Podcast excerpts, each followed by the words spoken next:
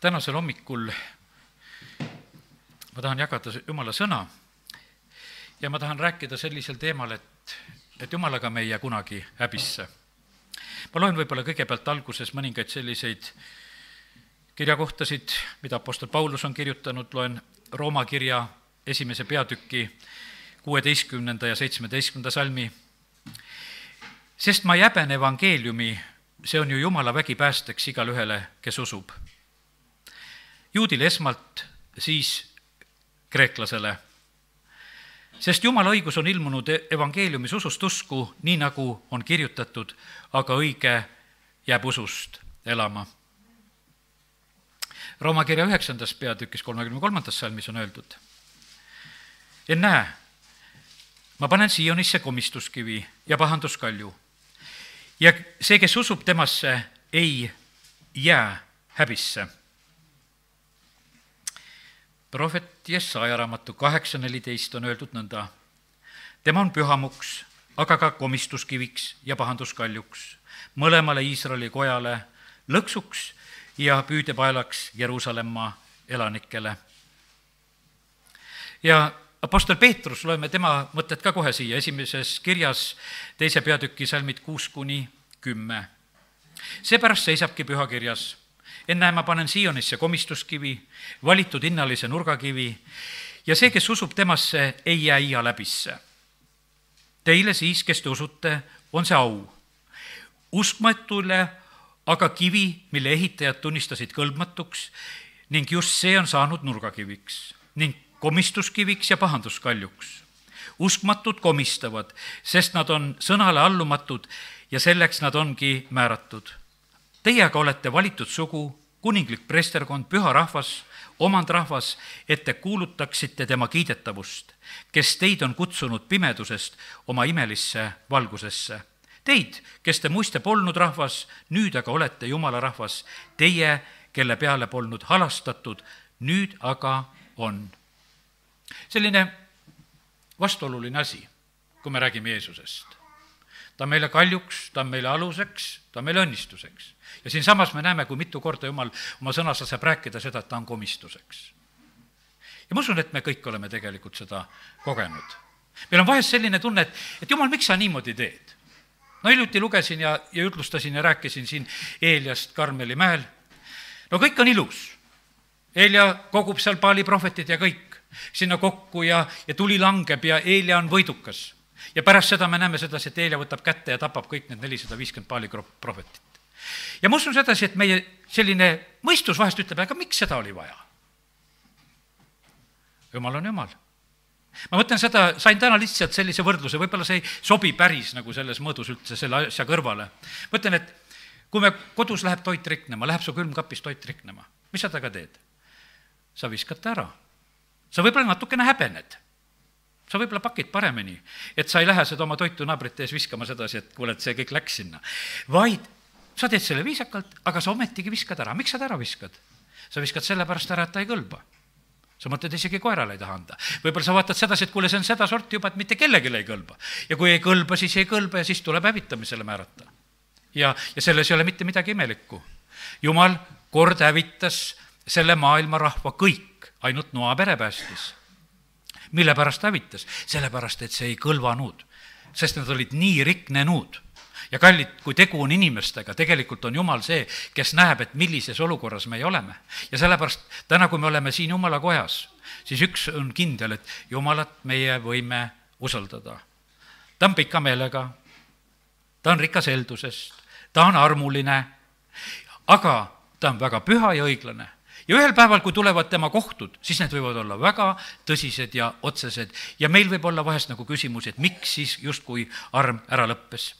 aga Apostel Paulus, kui ta kirjutab seal Rooma kirja, siis ta kirjutab tolle, tolleaegsesse, ütleme, selleaegsesse maailma pealinna ja ta ütleb, et mina ei häbene evangeeliumi. see on Jumala vägi päästeks igale ühele, kes usub, juudile esmalt ja siis kreeklasele. ja ta ütleb, et see, mida ma kuulutan, see on võimas, see on õige ja, ja kiitus Jumalale, et nõnda see nii on.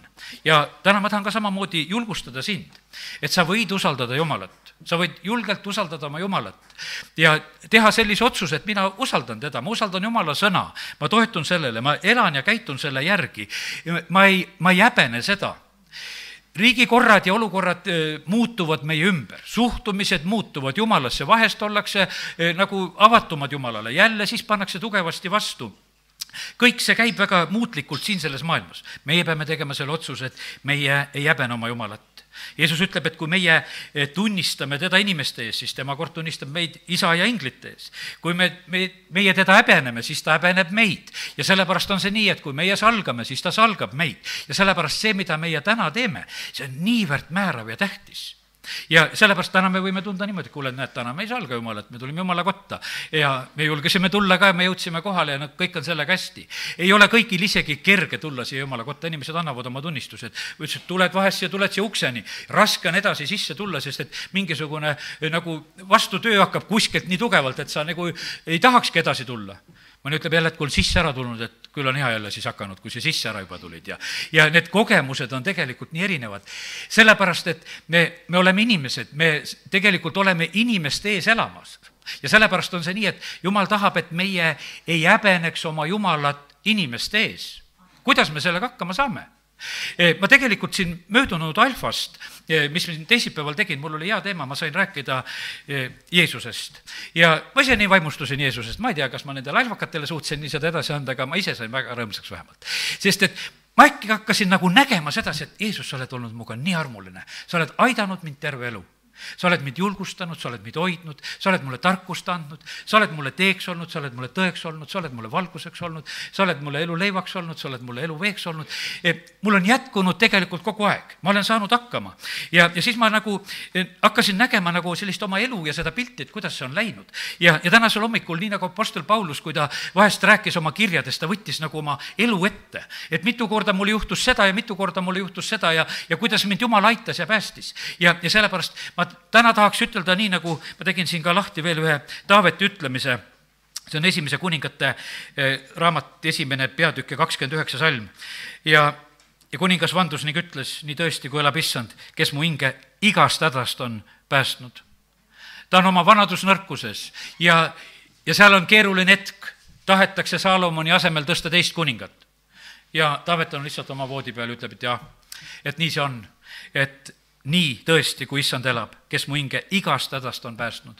ja tegelikult ka sellel korral tuli lahendus. ja sellepärast, kallid, täna mina tahaks ka julgustada sind, et meil on Jumal, kes tegelikult meid igas olukorras päästab, aitab ja, ja tema käest tuleb abi ja me ei jää mitte häbisse. no mina sünnin aastal viiskümmend kuus. sellest on nüüd saanud kuuskümmend aastat. ja aastad on läinud millal inimene mäletama hakkab? inimene hakkab mäletama võib-olla kuskil kolmandal eluaastal, võib-olla need sellised mälestused, mis, mis hakkavad kuskile nagu eh, talletuma. minu esimesed mälestused jäävad minule tapalt ja need on üsna pisikesed mälestused, siin võib isegi segi minna, et kas ma olen hiljem midagi näinud või on mulle hiljem midagi räägitud ja ma olen selle liitnud juba nagu oma mälestuste hulka ja seal see esimene ots võib olla täpselt selline, et kus, kus sa saad lisainformatsiooni, kus räägitakse ja see tuleb su kujutluspilti nii tugevalt sisse, et, et sa pead juba seda täiesti omaks. isa oli mul siis Tapa koguduses karjasena ja ja see aeg ei kestnud väga kaua ja ma olin kuskil kolmeaastane, kui sealt eh, Tapalt just hakati eh, ära kolima. mul on mõned sellised eh, pildid, ma mäletan sedasi, kuidas kolimisauto tuleb ja kuidas koli tõstetakse ja mäletan seda, et kuidas ma kord raadio ees seal ehmatasin, kui raadio hakkas väga kõva, sest ise ma keerasin ta tegelikult kõvaks. ja siis ta tegi väga kõva häält mulle ja, ja siis ma nagu ehmatasin ja, ja mõned sellised hetked, mida ma mäletan seal, mis oli, ma mäletan, ma ei mäleta seda kindlasti, ma mõtlengi täna, et kas ma mäletan seda onu Joonet, kellel oli pikk habe, aga kellest ma hiljem kuulsin, et see oli tõotusabe, et siis ta ajab selle habeme ära, kui Nõukogude võim siit maalt kaob. ta läks oma habeme kaudu, tal ei olnud nii pikad päevad, et eh, seda vabariigi tulekut uuesti näha, et oleks saanud habet ajada. see, see jäi ajamata, ta läks sellega ja, ja ma mäletan lihtsalt neid selliseid momente ja asju. ja siis eh, tulen eh, Jaanimõisa Mooste kogudus, ütleme siia Põlvamaale kolme kolmeaastaselt ütleme kuskil ja seal on niisugused enne kooli aastad. Need ei ole mulle väga pikad aastad, sellepärast et esimese klassi seal üsna alguse poole isegi võiks ütelda, me kolisime juba ära Keilasse.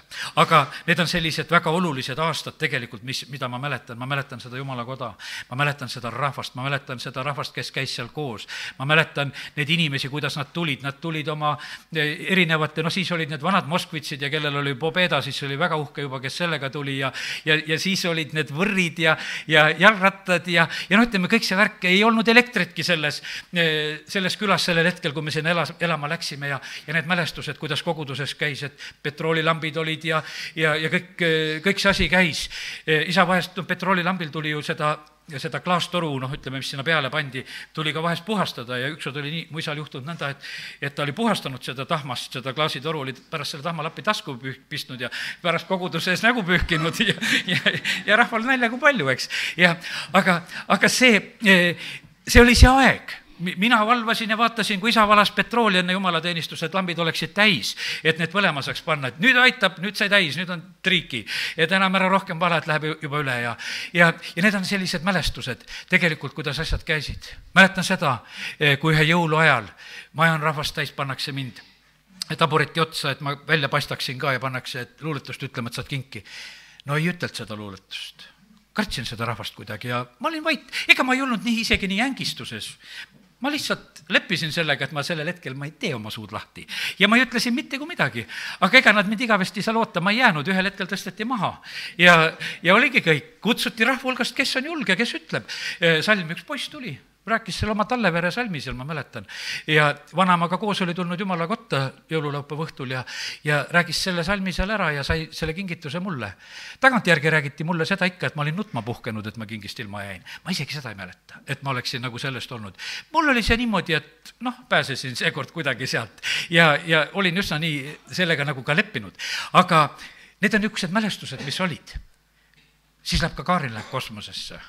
see on see aeg tegelikult, kus noh, ütleme, et kus see eh, maailm rõhub sellega peale, et nüüd me läheme vaatame, kas Jumal on või ei ole. ja see oli tõemeeli selline aeg, et kuule, et nüüd lähme kosmosesse vaatama, kas Jumalat eh, on või ei ole, sellepärast et Jumal on ju taevas. ja nüüd läheb mees vaatama, et kas seal on või ei ole, tead, ennem käisid võib-olla need eh, laikad ja kes seal käisid, eks, aga, ja strelkad, aga siis läheb mees ja, ja et küsime järgi, kuidas on, kõik need, kõik need asjad olid sellised. ja tegelikkuses oli nii, et, et kasvad ühes peres, sa ei saa oma perekonda valida, sa sünnid kuskile ja, ja sa hakkad nagu ühel hetkel nagu tajuma sedasi, et, et see maailm, kes on su ümber, see on teistmoodi häälestatud. mäletan ühel eh, Moste koguduse surnuaia pühal, mis siin mõningad aastad tagasi ma käisin, üks mu kooliõpetaja tuleb sinna, tuleb mu käest andeks paluma, Toivo, anna mulle andeks. et me siin koolis siis niimoodi no mina ei mäletanud, mida niimoodi. tema midagi mäletas, tema mäletas lihtsalt oma suhtumist, sest et seal oli see kaks maailma, mis põrkas kokku, kas Jumal on või ei ole. õpetaja sai juba päästetud, käis juba koguduses aastate pärast, aga see oli selline aeg, kus olid teised mõtted ja asjad olid peas. ja aga tegelikkuses on see niimoodi, et sa hakkasid lapsest saadik tegelikult nagu kasvama, et kas ma häbenen oma Jumalat või ei häbene kas häbened või ei häbene. ja, ja kiitus Jumalale, et, et ma võisin oma lapsest peale teha oma otsused, et ma ei häbene. mille pärast? sest see Jumal elas ja tegutses, ta aitas, ta kuulis palveid mäletan sedasi, et Põlvasse eh, tuli Moskva rong, sealtkaudu tulid postipakid. vanaema saatis Kohilast, eh, saatis mingisugused vaibad, mis ta oli meile kangastelgedel kudunud. no lihtsalt kaua läks lõpuks tuli palvetama hakata, et ükskord see pakk ka kohale jõuaks. ja, ja mulle öeldi, et Toivo, sina ka ei palveta, siis ma hakkasin palvetama, et jumal, et anname, et saaksime need vaibad kätte, saime need vaibad kätte. mäletan seda, et kui isa pani elektrit, postid olid püsti, isa oli posti otsas, ronis nende jalaraudadega, see puupost, eks, ronid sinna ülesse, ühendab neid traate, et külla elekter tuleks. ja see oli Animise külas. mina panin posti alla põlvili maha, ma palvetasin et isa posti otsast alla ei kukuks, mul oli natuke mure, et isa äkki kukub. isa on posti otsas ja isa palvetab, et poisile tangid pähe ei kukuks. ja, ja, ja, ja niimoodi ühtekokku sai see küla ära elektrifitseeritud. ja, ja ega, ega need fraasid ei olnud tegelikult meile tundmata, et, et kogu maa elektrifitseerimine, töörahva võim, ja mis see võrdub, mäletate, kommunism. et need kaks asja olid vaja ära teha ja me aitasime selles mõttes seda kommunismi ka sellel hetkel ehitada ja, ja elasime selles ajas, et ja tegelikult teadsime, et, et see tegelikult, kuidas nad jumalasse suhtuvad, on nii vale kui, kui vale. siis tuleb see aeg, ma mäletan, kui eh, läksime ära Keilasse isa oli mul selline mees, kes äh, käis väga jumala juhtimises, nii nagu tuli käsk minna, nii ta läks. ei, seal pikalt ei olnud, ta ei hakanud mingit pehmendavat asjaolu otsima, et oleks mingi kooli veerandi vaheaeg või mingisugune asi, et lapsel kooli vahetus kergem. see oli see päev, kui oli kolimine ja minek, kui issand ütles juba vaja minema hakata, siis hakati minema. ja olen Keila koolis tuled maalt, kus on, mina ei tea, ma ei tea, meie klassis oli võib-olla seal kümme õpilast või palju seal esimeses klassis oli või oli mõni üle kümne, aga igatahes neljas klass, ma mäletan, et oli neli õpilast ja kolmas ja neljas klass õppisid seal Jaanimõisas koos ja selline väikene küla algkool, kus oleme. siis satud Keilasse, suur kool, palju rahvast. Esimese klassi lastel oli veel eriti raskeks asi tehtud. meie klass oli vene koolis. see, see vene kool tegelikult oli ehitatud Eesti vabaduse nagu mälestussambaks, kui osades linnades pandi üles sambad mälest-, sõjavõidu, selle ühesõnaga Vabadussõja võidu puhul, siis ei, Keilas ehitati tegelikult terve koolimaja. käisime minu meelest sellel aastal veel seda vaatamas ja tegime pilti, seda koolimaja. aga siis oli niimoodi, et venelased olid õppimas selles koolis ja esimene klass oli tegelikult pandud sinna kooli, kes pidi siis ka seal õppima no mina tead, ei julgenud vetsuski käia seal, sellepärast et, et see tundus kõik nii õudne, olla nagu nende keskel, kuidas, kuidas see lugu seal käis, sellepärast et aru ei saanud ja, ja väga sõjakas see värk oli ja, ja, ja, ja, ja sellepärast olid nagu sellises olukorras. ja siis need aastad seal vaikselt lähevad, ma olin kuni viienda klassini seal e,. mäletan, et, et mis seal Keilas veel oli head, seal oli niimoodi, et et koolitänav ots, noh, kool oli ehitatud ja tänavgi oli nime saanud, et koolitänav, teises otsas on palvela. käid palvelas su koolivennad ja õed näevad ära, et sina lähed palvelasse palvetama. ja siis, kui sa lähed kooli, siis sealt ukse vahelt hüütakse sulle, et palvevend tuli, palvevend tuli, palvevend tuli. no tegelikkuses oli see nii, et, et sa võtsid neid positsioone. sa ei ole oktoobri laps sa oled palvevend. tegelikkuses sa oled nagu kogu aeg nagu sellises, sellises omamoodi sellises opositsioonis ja olukorras ja üsna üksikult, üsna üksikult. ja, ja tegelikult oled teinud otsuse, et ma ei häbene oma Jumalat. ja kallid, ma täna ütlen sedasi, et Jumal ei ole jätnud mind mitte kuskil häbisse, mitte kuskil, mitte kuskil. siis ma tulen Võrru eh, viienda klassi poisina. samamoodi jälle mingi poole veerandi pealt, lõpsti oleme siin selle, selles koguduses, isa kuuekümne seitsmendal aastal tuleb siia. ja, ja siis on nii, et ma olen võru keele ära unustanud sellepärast, et Jaanimõisas ma rääkisin küll seda, aga siis ma olen vahepeal jälle ära unustanud selle ja ei räägi seda üldse. siis jälle naerdakse mind siin Võrus, et sa ei oska võru keeltki. tead, ja õpetaja ütleb, et sa ei oska vältetki määrata ja, ja, ja ma mäletan, ühe veena-, veerandi sain kahe sellepärast eesti keeles, sellepärast et arvati, et ma võru keelt ei oska, sellepärast kaks sulle. ja, ja, ja siis ja, ja oled, oled jälle nagu siin selles olukorras. ma mõtlen sedasi, et need viiendast kuni kaheksanda klassini, mis ma olin, ega mul ei olnud nagu selliseid erilisi võitlusi seal usu pärast ega midagi ka koolis et ega võib-olla sellist tähelepanu palju ei pööratud, püüdsin õppida äh, olla, käisin muidugi kogu aeg koguduses. ega koguduses ma mõtlen sedasi, et ega siin ei, palju nagu noori ei käinud, üks mu koolivend, kes mind kiusas, see hakkas aasta pärast käima. ja see oli niisugune, et kes koolis kogu aeg torkis ja kiusas ja, ja siis ühel päeval ma vaatasin, et ohoh, et siia ka juba tulnud, tead, eks, et, et, et tuli tead, lauluraamat peos ja tuli siia, no kuule, saime tegelikult väga headeks sõpradeks. sellepärast, et ta oli saanud Viljandis vahepeal päästetud, oli vanaema juures käinud ja kuidas tal see lugu oli ja päästetud sai ja ja, ja asjad muutusid ja sain endale hea sõbra, kellega remontisime võrre ja värke ja tead, see oli super, mis me tegelikult siis veel teha saime. aga, aga need mo-, momendid olid eh, selliselt. ja olin viiendast kaheksandani, olin siis Kreutzwaldi koolis, eh, pärast seda eh, lähen tehnikumi. no vaata, tehnikumis oled juba natukese suurem see oli mu valik, see oli mu teadlik valik, et ma lähen seda puiduvärki õppima, sellepärast et mu vanaisa oli väga tubli puutöömees. ja mu üks onudest, väga tubli puutöömees ja tema peres ka need edasi läinud. ja, ja ma ütlen, et kui oleme Hiiumaal käinud, ma olen läinud ikka seda maja vaatama, kuidas mu vanaisa on teinud uksed, kuidas ta on aknad, kuidas ta on aknapiirdelauad, kõik on pannud, sest see maja on alles, see ei ole küll enam meie, meie oma ja meie suguvõsa oma, aga, aga me saame seda maja ikkagi näha ja saan vaatamas käia ma mäletan, sõja ajal oli, eh, vanaisal oli, Vene ohvitser andis käsu, et, et sa pead ehitama kaheksa kapsatünni, nii suured, kus mees saab käed laiali sees seista.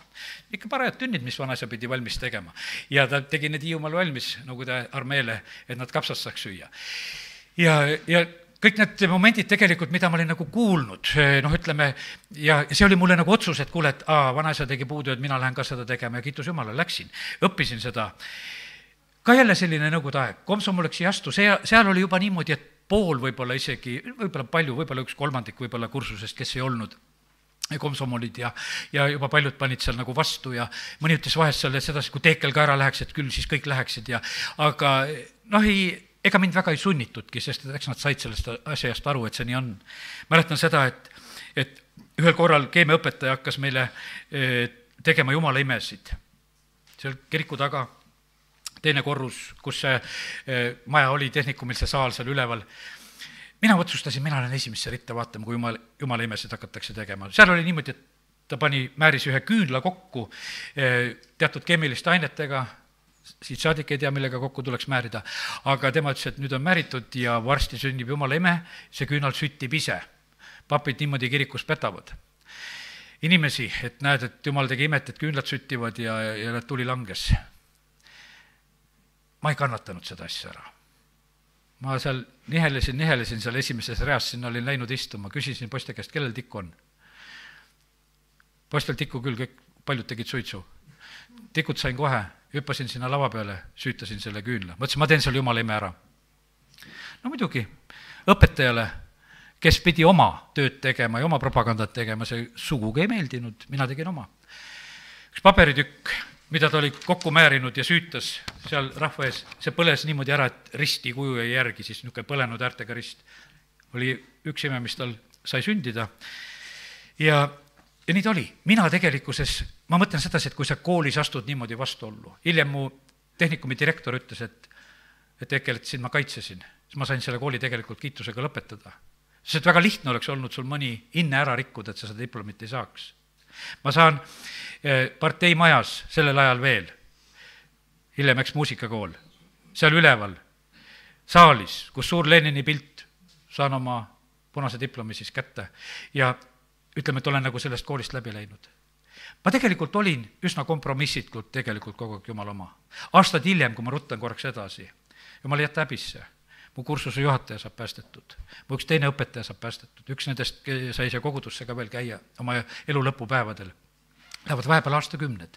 ma olen Võrru tulnud tagasi hoopis mitte eh, enam kuskile kooli või kohta, vaid juba, juba kogudust siia teenima ja, ja aastate pärast on niimoodi, et, et see kannab nagu sellist vilja absoluutselt ei häbisse. ja sellepärast, kallim, ma täna tahaks rääkida sedasi, et, et vaata, me elame nendel hetkedel, me teeme neid otsuseid. Eh, meil võib olla selline, et me läheme kõigiga vastuollu me käitume teistmoodi. võib-olla see selline, ma mäletan, et ma ei, ma ei mäleta, miks ma Pärli jõele pioneerlaagrisse sattusin, ma ei olnud mingisugune pioneer. aga ühel korral oli nii, ma, olin selles pioneerlaagris. ma olin seal eh, isegi mingisuguse orienteerimisvõistlusel sain mingi diplomi, mingisuguse koha seal saavutasin. ja mäletan, et oli, olin nagu seal, jooksin seal metsas ja ja aga see, ma nägin sedasi, et nad tegid mingisuguse erandi, et võtame selle uskliku ka sinna metsa kaasa sinna korraks, et las, las jookseb ka meiega koos seal. ja ei, ma läksin, ega ma ei olnud nagu midagi nagu hädas eh, selle tõttu, selle oma positsiooni tõttu, mis mul oli, sellepärast et ma kogu aeg oma sisemas teadsin, et, et see, kes elab minus, on suurem kui see, kes on maailmas. ja, ja sellepärast, kallid, ja, ja nüüd me oleme näinud sedasi, et kõik see, mis noh, ütleme, et oli see nõukogude ajal suur, see ühel hetkel lihtsalt kadus, see lihtsalt langes, see lihtsalt langes ma neljapäeva õhtul rääkisin jumalate võitlusest, rääkisin Uantsas ja, ja, ja rääkisin sellest, et ühel päeval oli niimoodi, et need Lenini kujud koristati ära. Need jumalad viidi ära, see jumal enam ei tegutse see jumal täna ei valitse meil siin, ta ei valitse sellepärast, et ta on maha võetud, aga ta valitses sellel ajal küll, kui ta oli üleval sellepärast, et inimesed teenisid, austasid, kiitsid teda, läksid, hüüdsid talle hurraa. kõik see toimus sellepärast, et ülistus käis. Moskvast saadeti hüüdlaused, mida teha, mida ütelda ja, ja ja see, see, see toimis ja tegelikult me elasime ka sellel ajal. ja, ja paljud meist ütleme sedasi, et ega me halvasti ei elanudki, süüa oli, korterid olid, tööd oli, kõik oli sellisel määral, nii kuidas oli plaanitud, et rahvale tööd ja leiba, e, see oli garanteeritud, nii palju, kui see jumal suutis nendel. ja, ja sellepärast nii me täpselt elasime. ja aga kallid, minu jaoks oli see, kogu aeg oli see küsimus, et aga et kui nad ütlevad sedasi, et jumalat ei ole, kui nad on jumalaga vastuolus, mis siis, et nad oma moraalikoodeksi olid piiblist võtnud, võiks ütelda. sest et normaalsed asjad, mida kommunistid olid oma moraalikoodeksisse kirjutanud, eh, paljuski. ja aga kui nad on selle autori tegelikult salanud, kelle käest on varastanud need põhimõtted, siis tegelikult välja ei tule. varastatud asjad ei tööta ja sellepärast on see täpselt niimoodi, et me ei tohi jumala käest varastada niimoodi asju, et me võtame neid, et me hakkame nende järgi lihtsalt elama, et jumal, su meetodid töötavad, aga sind me näha ei taha. me peame võtma kõigega, sellepärast on niimoodi, et jumalal on copyright peal kui minu asi, siis mina pean saama au. ja mitte, mitte, mitte varastatud kombel, vaid otseselt. et te elate minu käskude järgi, teete selle järgi, annate au ka mulle ja, ja siis see asi tegelikult toimub, toimib. ja nii ta on. lõpetan selle tehnikumi, tahan minna, ma räägin täna teile oma elust tahan minna seda, et tahtsin minna Peter, siis veel Leningradi, tahtsin Leningradi minna õppima metsa, Metsatehnilisse Akadeemiasse. Ostsin suured paksud venekeelsed matemaatikaraamatud ja asjad endale, valmistusin, mõtlesin, et kool sai läbi ja, ja et mul on võimalik, võimalik minna sellepärast, et muidu pidi tööle minema, aga et kuna kiitusega olin lõpetanud, et siis oli võimalik minna õppima. ma sain suunamise Türi metsakombinaadist, et minna õppima sinna Leningradi ja, ja kõik asjad olid nagu korda aetud ja et põhimõtteliselt sinna lähen. aga siis astus sõjavägi vahele.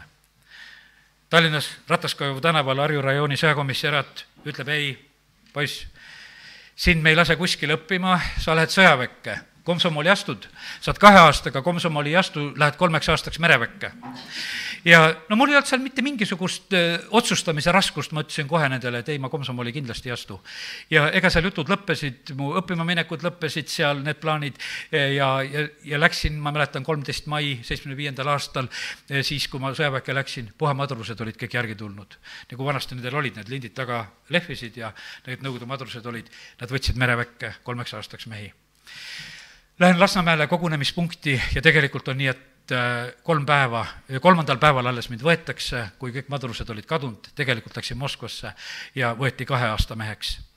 Äh, kuidas Jumal seda korraldas, meil on oma versioon, kuidas tegelikult Jumal korraldab, häbisse ei jää. aga teate, ma räägin täna veel nagu otsesemalt välja, teate, kuidas asjad käisid? seesama sõjakomissar, kes oli omale kuppusid ja suuremaid ja jämedamaid kuppusid saanud eh, oma õla peale, ta oli sellel ajal Põlvas sõjakomissariks. minu isa ei olnud sõjaväes käinud, minu isa oli usklik ja, ja nendel olid mingisugused omavahelised kokkupuuted. Nad olid seal juba läinud kokku sellepärast, et üks, üks usklik siin ja, ja, ja selline. ja nüüd on niimoodi, et aastate pärast ta vaatab, et selle, selle pastori poeg on mu käes ja see tahab õppima minna ja mis iganes teha, et ei lase, panen ta hoopis sõjaväkke, panin mu sõjaväkke jumal eh, tegelikult korraldas nii, et ma ei tea, millisel moel, eh, kas, eh, ja ei hakka seda võib-olla seletama, kuidas see võis olla, aga igal juhul oli see nii. kas mind ei nähtud, ütleme, minu seda kausta, seda toimikut seal Lasnamäe kogunemispunktis või olid inglid selle peitnud või keegi inimene, see võib jääda natukese saladusse. aga igatahes niimoodi, et kaheks päevaks mind ei olnud olemas seal kolmandal päeval olin ma jälle olemas, aga iga kord ma olin rivis. mu võileivad läksid juba, ühesõnaga seal päikse ja kuuma käes, väga kuum mai oli, juba nässu ja, ja hakkasid äragi lõppema ja kõik ja mõtlesin, kuule, et kaua te mind siin hoiate. lubage mind korraks koju. mind lubati igasuguste dokumentideta veel korraks koju, käisin Keilas ühe öö veel kodus ja siis järgmine päev mind võeti. tegelikult ma nägin kogu aeg Jumala kätt ja juhtimist. olen Moskvas, sõjaväes, mis seal on, kontrollitakse iga hommiku taskuid, värke, laod välja, mis on, minul Uus Testament taskus. laon selle välja. võeti ära väike eestikeelne Uus Testament, mis oli kodust vanemad kaasa andnud, võta kaasa, saad lugeda. ja viidi staapi, mõned päevad oli staabis, siis toodi ühel päeval tagasi, ütles noh, võid lugeda küll. ja ühel päeval saadakse teada, et eh, ma olen usklik, noh, ütleme üleüldisemalt kõik poisid ja see sündis nagu kuidagi, millegipärast aeti taga vanemate eh, töökohtasid ja mingisugust informatsiooni seal koguti ja tehti ja minu isa kandis äh, sellel ajal sellist huvitavat nime, et ta oli presviiter venelaste jaoks. ja eesti keeles presbüüter, ehk see on kreekakeelne sõna tegelikult Uuest Testamendist. ta oli vanem, koguduse vanem. ja ütleme, et oli periood, kus me koguduses kutsuti koguduse vanemateks või siis selle kreekakeelse sõnadega presbüüteriks. see venelased ei saanud ka sellest sõnast aru. Nad ütlesid, no aga mis asi ta sul siis on, kes ta sul on, selline presviiter sul? ja no ma ütlesin, ta on kirikus nagu see papp teil on, tead, et noh, selline on, tead, no siis selge, siis oled usklik. ma mäletan, istun seal sõjaväes, õmblen omale uut valget kraed järgmiseks päevaks, nii nagu see Nõukogude armees käis, mind käiakse lihtsalt vaatamas. mind käiakse lihtsalt kusklikku vaatamas, lihtsalt vaadatakse. tullakse ja vaadatakse.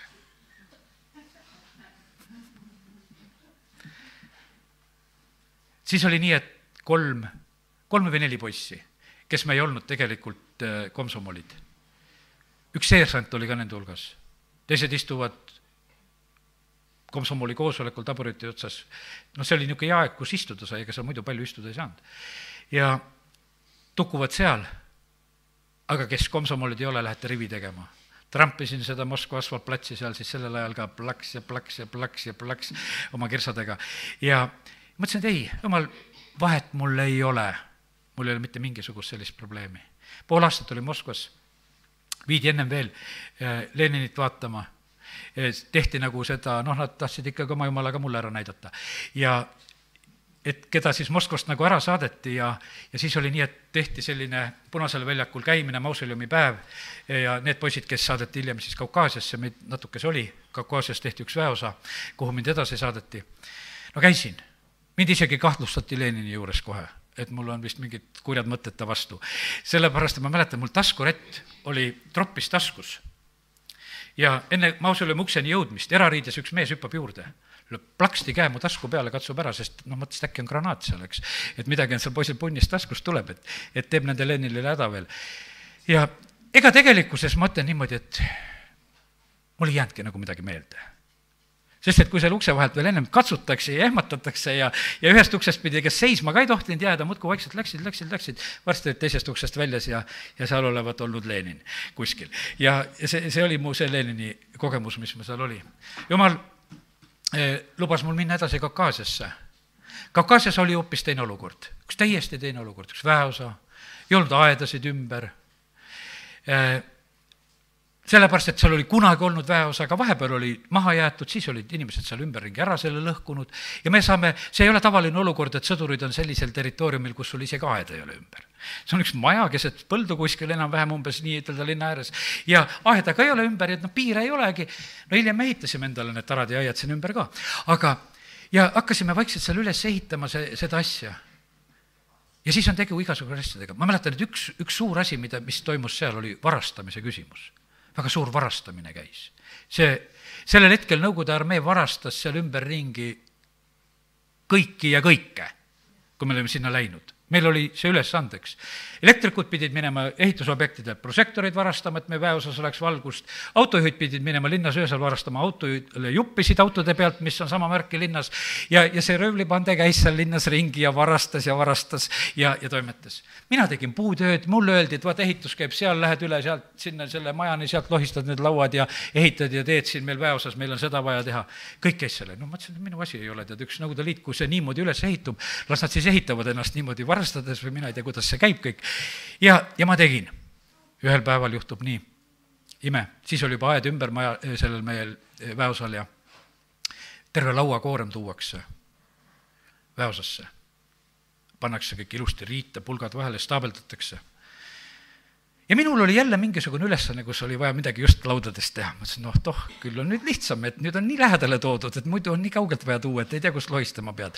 et nüüd on lausa õue peale toodud, et minul vahet ei ole, kust ma võtan. et nüüd on ligidal ja ma ei peagi kuskile mujale vargile minema. ja ma võtan sealt, teen. varsti olen staabis, välja kutsutud. Teekel, sina varastad. millised su vanemad on? kas nad on õpetanud sind varastama? Ma ütlesin, et ei, mu vanemad ei varasta, nad ei õpeta varastama kunagi. aga te olete õpetanud, et võtke kus igalt poolt, kus on ja, ja, ja sellepärast ma võtsin lihtsalt siit, kus on see juhtumis olid ühe suure ülemuse isiklikud lauad ja vaata, neid ei tohtinud varastada. aga kõike muud võis varastada ja sellepärast, ei, nad jätsid mu rahule, sest et ma nähtavasti vastasin kuidagi nii kindlalt, et teie olete mind õpetanud varastama, sellepärast varastan. ja ma pole endale varastanud, ega ma endal siin midagi ei ehita, tead. ja et ma lähen varsti siit üldse minema. ja ma mäletan seda, et kui Moskvas veel olime, õunapuu aiad olid seal, ma olin Moskvas, olin selle suure ringtee ääres, olime sõjaväeosa õunapuuaiad inimeste omad ja ma ei tea, võib-olla riigi omad või ma ei tea, mis seal kõik olid. poisid käisid õunavargil, tulid nende õuntega, mina ei võtnud neid varastatud õunugi. mul oli see põhimõte, ma ei saanud alguses aru nagu nende poiste nagu mõtteviisist, nende mõtteviis oli teate milline, et, et Teekel ei võta neid õunu sellepärast, et need õunad on pühitsemata sellepärast, et noh, pre-, pole veel kirikusse viidud, et preester pole ära pühitsenud, sellepärast veel varastada ei või. ja aga, aga et kui juba teda on ära pühitsetud, siis käib küll. no minul see mõttekäik, ma olen hiljem nüüd am-, selle noh, piiblist leidnud, et tõesti see nii oli, et Iisrael pidi viima ja siis pühitseti, siis hakati sööma. aga mina ei varastanud mitte, varastanud põhimõtte pärast ja ma ei võtnud neid vastu.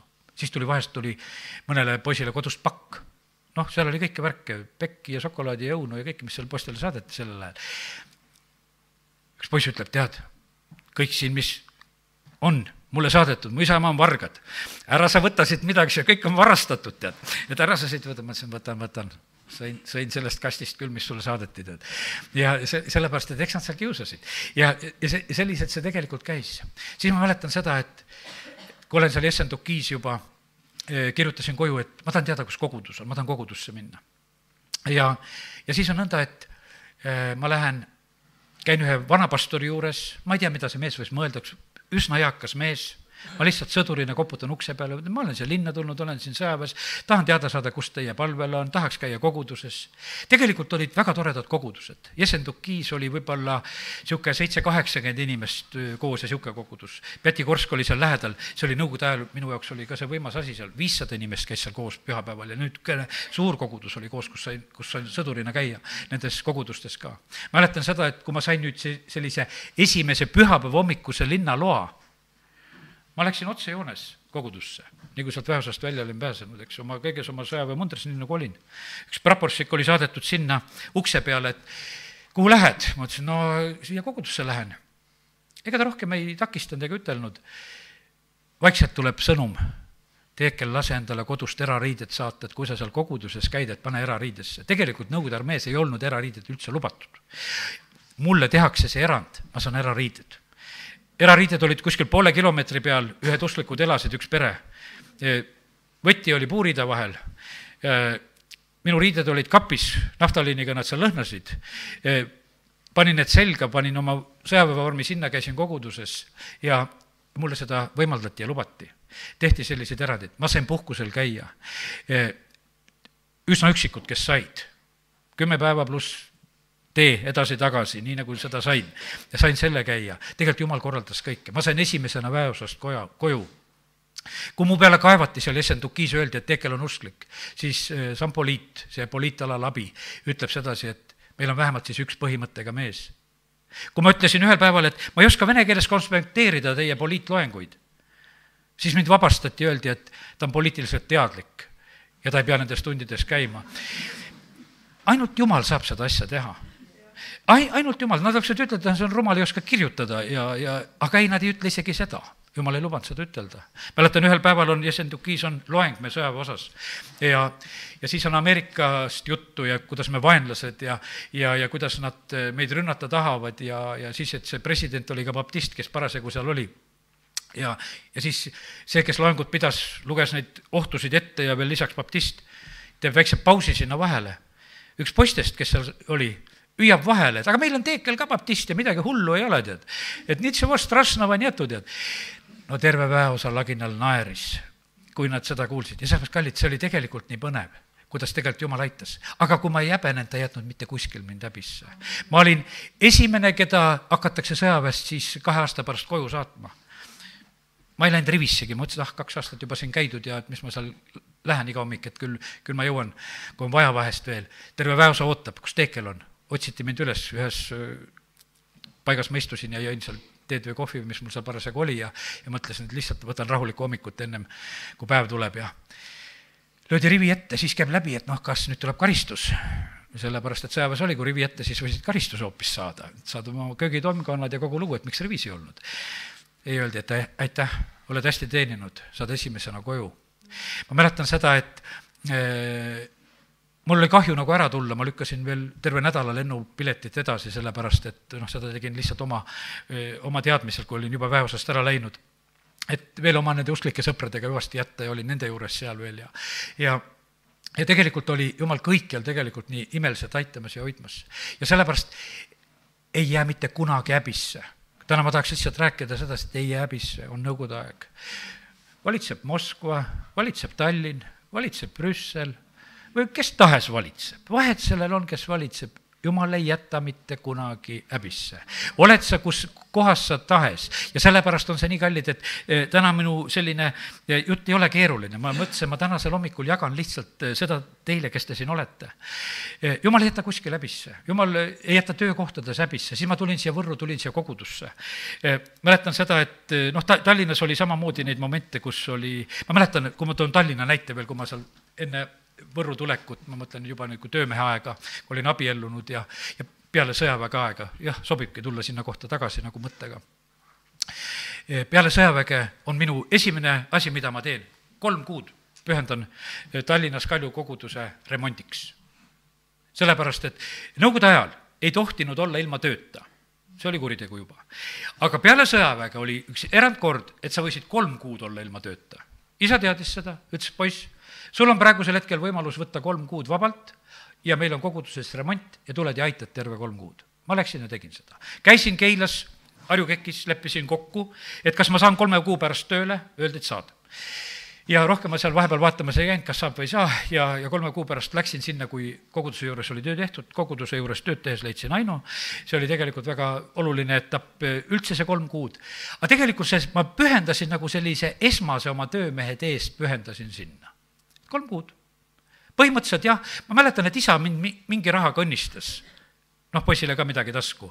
aga põhimõtteliselt ma olin valmis, et ma nagu lähen ja teen seda lihtsalt. et see on mu võimalus, kodus on süüa, aga ma teen tööd, ma teen selle jumala riigile, selle asja, tegin seda siis olen Harju Kekkis, seal ma olin neli kuud ja jumal õnnistab mind tegelikult väga hea töökohaga. sest et ma töötasin siis peaaegu kümme aastat, kaks kuud, kui vähem kümme aastat Tallinnas Minnõukogude asjade valitsuse remondi ehitusjaoskonnas, ma olin puidutööd tegemas, aga me tegime Toompea lossile. käisin veel eh, kontrollimas alles siin hiljuti ka, kas minu aken ikka Toompea lossil on ees veel, mis seal üks väljaspool on ees, on ees, eh, paremat kätt selle sissekäigu kõrvalt ukse peal, üks tammepuu kaaraken, mis ma tegin, seda saab väljast vaadata, paljud asjad on võib-olla seal seespool, mida ma olen teinud. ja, ja väga hästi makstakse palka. vaata ma olin esmase pannud koguduse jaoks. Tallinnas mu palk oli rublades, kui keegi rublade aegu mäletab, kakssada viiskümmend kõigepealt. mu palk läks kuni kolmesaja kaheksakümneni, mis ma sain, seal töötades. ja ma töötasin selliselt, võiks ütelda, kümme aastat väga hea palga peal. ma sain sealt auto, ma sain sealt korteri, mind õnnistatakse. ühel päeval tuleb mulle üks mu töökaaslane, ütleb, Toivo, ära siin töö juures sellest Jeesusest räägi. ma ütlesin, mis asja, tead? et äh, ei, see ei tulnud isegi töökaaslane tulnud ütlema, vabandust, eksisin. koguduse kaudu, kus ma käisin sellel korral, üks koguduse vend tuleb rääkima seda juttu. sest et ta tundis seda mu töökaaslast ja sealt kuidagi töö juurest oli jutt tulnud, et olgu see Toivo seal oma Jeesusega seal töö juures vait, tead. Nonii, mina võtsin reageeringu kohe, vait ma ei jää ma olen nõus sellest töökohast päevapealt minema. mis siis, et mul see palk, küll jumal hoolitseb mu eest ja annab mulle palga kus iganes ja mul vahet sellest ei ole. et aga, et oma jumalat ma küll maha ei müü. ma panin alati kohe, ma olin kohe valmis nagu neid asju tegema. ei, mind ei aetud sealt ära, mind õnnistati seal palju-palju aastaid tegelikult ja, ja niikaua, kui ma siia, siia Võrru tulin. ja kallid, tegelikult kuskile jääb sisse ei jää ka poliitikas häbisse. kui lihtsalt nimetan seda, kui tuli see aeg, kus tehti see üheksakümne kaheksandal aastal Kristlik Rahvapartei, eh, liitusime kohe sellega ja ei jää häbisse, ei jää valimiste läbisse. ma olen olnud need Riigikogu valimised, vähemalt need kolm, mis ma nagu järjest nagu olin, ma sain alati tõusvas joones hääli. meie partei langes esimesel korral saadi kõige rohkem ja seal ütleme, nagu häältesaak oli niisugune tugev ja tead, ja siis hakkasid need langemised ja asjad ja aga mina ei jäänud mitte kunagi häbisse, ma palusin alati, mõtlesin, jumal, et tead, et ega nagu ei tahaks, et vähem hääli saab, kui järgmine kord lähed, et ikka hea oleks, kui tõuseks, alati tõusis. siin selles linnas sain volikogus olles paaril korral ka linnavalitsusse, ei jäänud, ma ütlen, ei jäänud ka poliitikas häbisse. ei jäänud, valiti mind kusklikku siin, ei jäänud häbisse. volikogu ees, ütleme, see valimise moment oli selline, kui ma seda teile ka täna jutustan. keegi tõuseb üles, ütleb, et noh, seda usklikku tahate linnavalitsusse valida või? Teekel on kantslis, röögib kurat välja, kurat välja, inimesed on põrandal pikali, meil ei olnud keegi sellel ajal põrandal pikali. ja, ja ütleme, aga selline tekst oli seal volikogu ees. Nonii, see oli prohvetlikult räägitud. ja, ja nüüd me ajame seda kuratit välja kõvasti siin. ja, ja siis äh, õpetaja Mäevere tõuseb seal, ütleb, et eks siingi oleks vaja kuradit välja ajada ja, ja tead ja siis üks ütleb, et, et noh, Tekel, et kas sa tahad kahte isandat teenida, et, et siis jumalat ja mammonat ja ma ütlesin, et ei, et mul ei ole kahte isandat, et mul on ameteid olnud elus erinevaid. et aga isand on mul alati üks. et ükstapuha, mis ametis ma olen, aga isand on mul alati üks. ja, ja siis on hääletamine, mind valitakse kui hääletamine oli ära olnud, ma ei mäleta, millal, aga ühel hetkel mul oli see teadmine väga selgelt. noh, nägid, mis sulle volitati? sind volitati kuradit välja ajama, sind volitati tegelikult usklikuna tunnistama ja rääkima. Kooliaktused, kohad, kus ma läksin, sõnavõtud, kus ma läksin, ükstapuha, mis ühingute juurde ma läksin, kus ma käisin. mul ei olnud kuskil keelatud jumala sõna rääkida ja keegi ei ütelnud mulle mitte kordagi, et kuule, jää vait oma jumala sõnaga, vaid tegelikkuses mind oli volitatud ja ma tegin seda alati. ma läksin kõikjale, kus oli, kõik oli minu, minu võimalus ja ma leidsin sedasi, jumal, sa pakkusid, ma tegin sedasi, ei jää häbisse. ei jäänud igapäevatöös ka häbisse.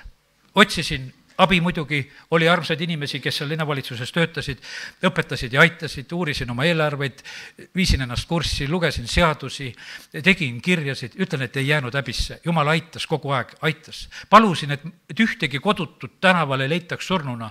et, et me ei oleks sellel perioodil, kui, kui ma olen oma tööd tegemas, jumal, ma ei tea, kus kuuris nad magavad, jumal, ma ei tea, kus puuride vahel nad on, jumal, ma ei tea, mis olukordades on, jumal ei jätnud mitte kordagi häbisse ei olnud ühtegi seda situatsiooni, kus ma leidsin, et asi oleks halvasti, jumal lihtsalt kuulis palveid, aitas. ja, ja sellepärast, kallid, me ei jää oma issandaga mitte kuskil, mitte kuskile ei jää häbisse. ja, ja sellepärast täna lihtsalt tahaks julgustada, et, et koos oma issandaga me saame tegelikult eh, kõikjal hakkama ja, ja see on tegelikult nimeline ja, ja neid, ma mõtlen, et elu jooksul neid näiteid on, võiks ütelda, tuua palju. ma näen sedasi, et, et ma ei ole jäänud häbisse eh, oma töökohtades, kus ma olen. ma mõtlen sedasi, et alles siin, alles mõni aeg tagasi mu esimene töökoht, mis Võrus olin, ETKVL-i tootmisbaasis, tuleb inimene, ütleb, Toivo, tule matma. noh, tema, tema jaoks oluline inimene, keda vaja matta, et tule matma. aknatehas, kus ma olen, ma ütlen, et olid, olin jõuluajal, no Toivo, ütle meile mingisugune sõna seal jõululauas. tegelikkuses ei olnud no mingisugust nagu probleemi, kui sa olid julgelt sellena, kes sa oled, kõikjal olid tegelikult need uksed olid avatud ja ei jää häbisse ei jäänud ka linnavalitsuses häbisse, kiitus Jumalale, mitte kuskil ei jäänud häbisse, Jumal tegelikult õnnistas, aitas, et tegelikult oli tema. ja, ja siin möödunud nädalal, kui ma Jeesusest rääkisin, siis Jeesus ütles, et aga tegelikult olen mina see, et sina ei olnud nii tubli, aga ma iga kord aitasin. ma iga kord aitasin sind, et kui sa pidid kiiresti otsustama, et sa otsustasid õieti. ma iga kord aitasin sind. kui ma pidin otsustama, et ma verivorste jagasin selles linnas ma tegelikult sellel hetkel olin nii nõus, et noh, et olen Õhtulehe esiküljel ja ma olen oma töökoha kaotanud, mis siis, et mul on linnavalitsuses hea palk ja, ja ma võiksin seal ju veel olla teatud aja lõpunigi. mõtlesin, et ei, ma ei tee seda. kui ma seda oma peres ei söö ja õpetan teisi kõiki nii. ja siis mina nüüd selles ametis söödan terve linna vaestele ja ütlen, et see on väga hea, et sööge seda. ma ütlesin, et ei, et ma ei tee seda, helistasin sinna, ma mäletan, sinna vorstivabrikusse tagasi, kus seda pakuti. et eh, Võrul niisugune nõunik, et verivorsti ei jaga, et kas teil paremat vorsti ei ole ja no suutsin nad muidugi ära vihastada korralikult seal oma jutuga. ja, ja ei pidanud mina seda jagama, mingisugune teine tee otsiti, midagi nad vist siin kellegi teise kaudu jagasid, aga Võru nõunik ei jaganud. ja kallid, tegelikkuses nende asjade kaudu me oleme palju suuremaks õnnistuseks. aga me peame olema valmis tegelikult minema eh, niimoodi ka siin selles maailmas vastuollu, kus on tarvis. väga eriline hetk võib-olla, kui ma ühte veel räägin, kus jumal häbisse ei jäta. kaks tuhat üksteist eh, valimised, olen ETV valimisstuudios, sotsiaalisaade. ma saan jumala käest nii selged juhised, mida ma pean seal tegema. Karl Eestist pidin rääkima seesama salm, et jumala silmad huvitavad kogu maal, et siirast, võimsasti aidata neid, kes siira südamega hoiavad tema poole, selle salmi pidin lugema, mul ei ole enam kõik meeles, mida ma tookord pidin tegema, aga mul oli üks niisugune kolm niisugust põhilist asja, ma teadsin, et et nähtavasti selles saates, ma olin saateid jälginud, et nendes stuudiotes on nii, et et hea on, kui sa kolmel korral saad üldse suu lahti teha. Ja mõtlesin, et okei okay,, et, et kolmeks korraks on mul midagi öelda esimene kord, kui ma suu lahti tegin, need kaks saatejuhti hüppasid mõlemad mu peale, nad said aru, et ma ei ole rääkimas nende juttu, vaid ma olen rääkimas oma juttu juba. ja, ja tegelikult ma tegin seda saate lõpuni. ma tegin seda niimoodi, et ma mäletan nüüd üks küsimus, kus ma selle salmi lugesin, et jumala silmad uitavad võimsasti kogu maal. ma ei pannud üldse küsimustki tähele, sest ma valmistasin omaette astet, mida ma ütlen. ja, ja siis näidati, sinu, sinu kord, ahah, no selge, loen selle salmi ette, tead siis saatejuht küsib, et kas Peipsi ääres ka see salm kehtib umbes, noh, selle mõtte, et kas seal, ma ütlesin jaa, jaa, et ikka, ikka Peipsi ääres ka, sest et oligi ääremaadest oli jutt ja siis see salm sobis väga hästi. et jumal aitab tegelikult igal pool. ja, ja teate, mis selle lisaks, kui pidulik tunne oli mul seal, tohutult tuli ingleid nendel kordadel, kus sa oled, kus sa ei häbene. see oli nii võimas, ma mäletan, nägu on puuderdatud, prožektorid on peal, oled seal ja tegelikkuses on nii palju ingleid su juures jah, sõbradki olid kaasas, kes häbenesid natukese mind juba seal. ütlesid, Toivo, räägi, räägi, räägi nendele, et maainimesed tahavad internetti saada ja, ja räägi sedasi, et hambaid on vaja parandada ja neid hambaparandajaid ja internetirääkijaid, neid jätkub. mina mõtlesin, mina räägin seda, mis mul on kästud, ma ei, ma ei kasuta seda aega. saade lõppes ära, üks saatejuhtidest küsib, et noh, said kuulutada või? ma ütlesin, sain küll. et sai tehtud ja tead, ei pea kahetsema tagantjärgi, sest et kui ma ei oleks sellel hetkel seda teinud, siis seda võimalust ju nii lihtsalt ei tule. ja sellepärast, kallid, nii see on, et, et me ei jää tegelikult mitte kuskil häbisse. ja, ja sellepärast täna lihtsalt tahaks julgustada, et, et ärme häbemeneme oma issandat, mitte kuskil. ja, me ei jää sellega häbisse. ja sellepärast eh, täna ma tõin nagu oma, oma elu sellise võib-olla paljud-paljud näited nüüd siia ja, ja, ja ma usun seda, et, et kui teiega rääkida, siis kindlasti on ka samamoodi neid lugusid. aga täna olid minu lood ja issand ei jäta meid häbisse, aamen. tõuseme. isa, ma tänan sind, et äh, oleme võinud täna rääkida seda, et evangeelium ei jäta häbisse ja ma tänan sind, Jumal, et see on olnud nõnda minu elus ja ma tänan sind, Jumal, et ma võin usus vaadata tulevikku nii tõesti, kui issand elab, kes mu hinge on igast hädast päästnud, sina viid edasi kõigil nendel päevadel. jumal, me täname sind, et me võime seda aastat nõnda lõpetada, et me ei jää häbisse.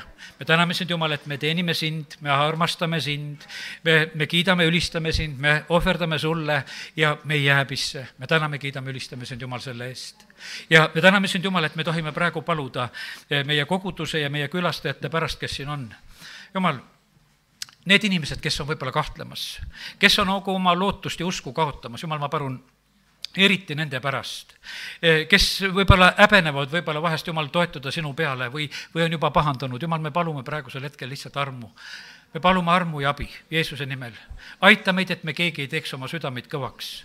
aita, Jeesus, et sina ei saaks meile mitte kellelegi selleks pahanduskaljuks, mille peale me kukume puruks vaid jumal, me täname sind, et kui me teeme selle otsuse, siis me võime sellel kaljul nii kindlalt seista ja me ei jää häbisse. sa kiitus ja tänu ja, ja ülistus sulle Jeesuse nimel, amin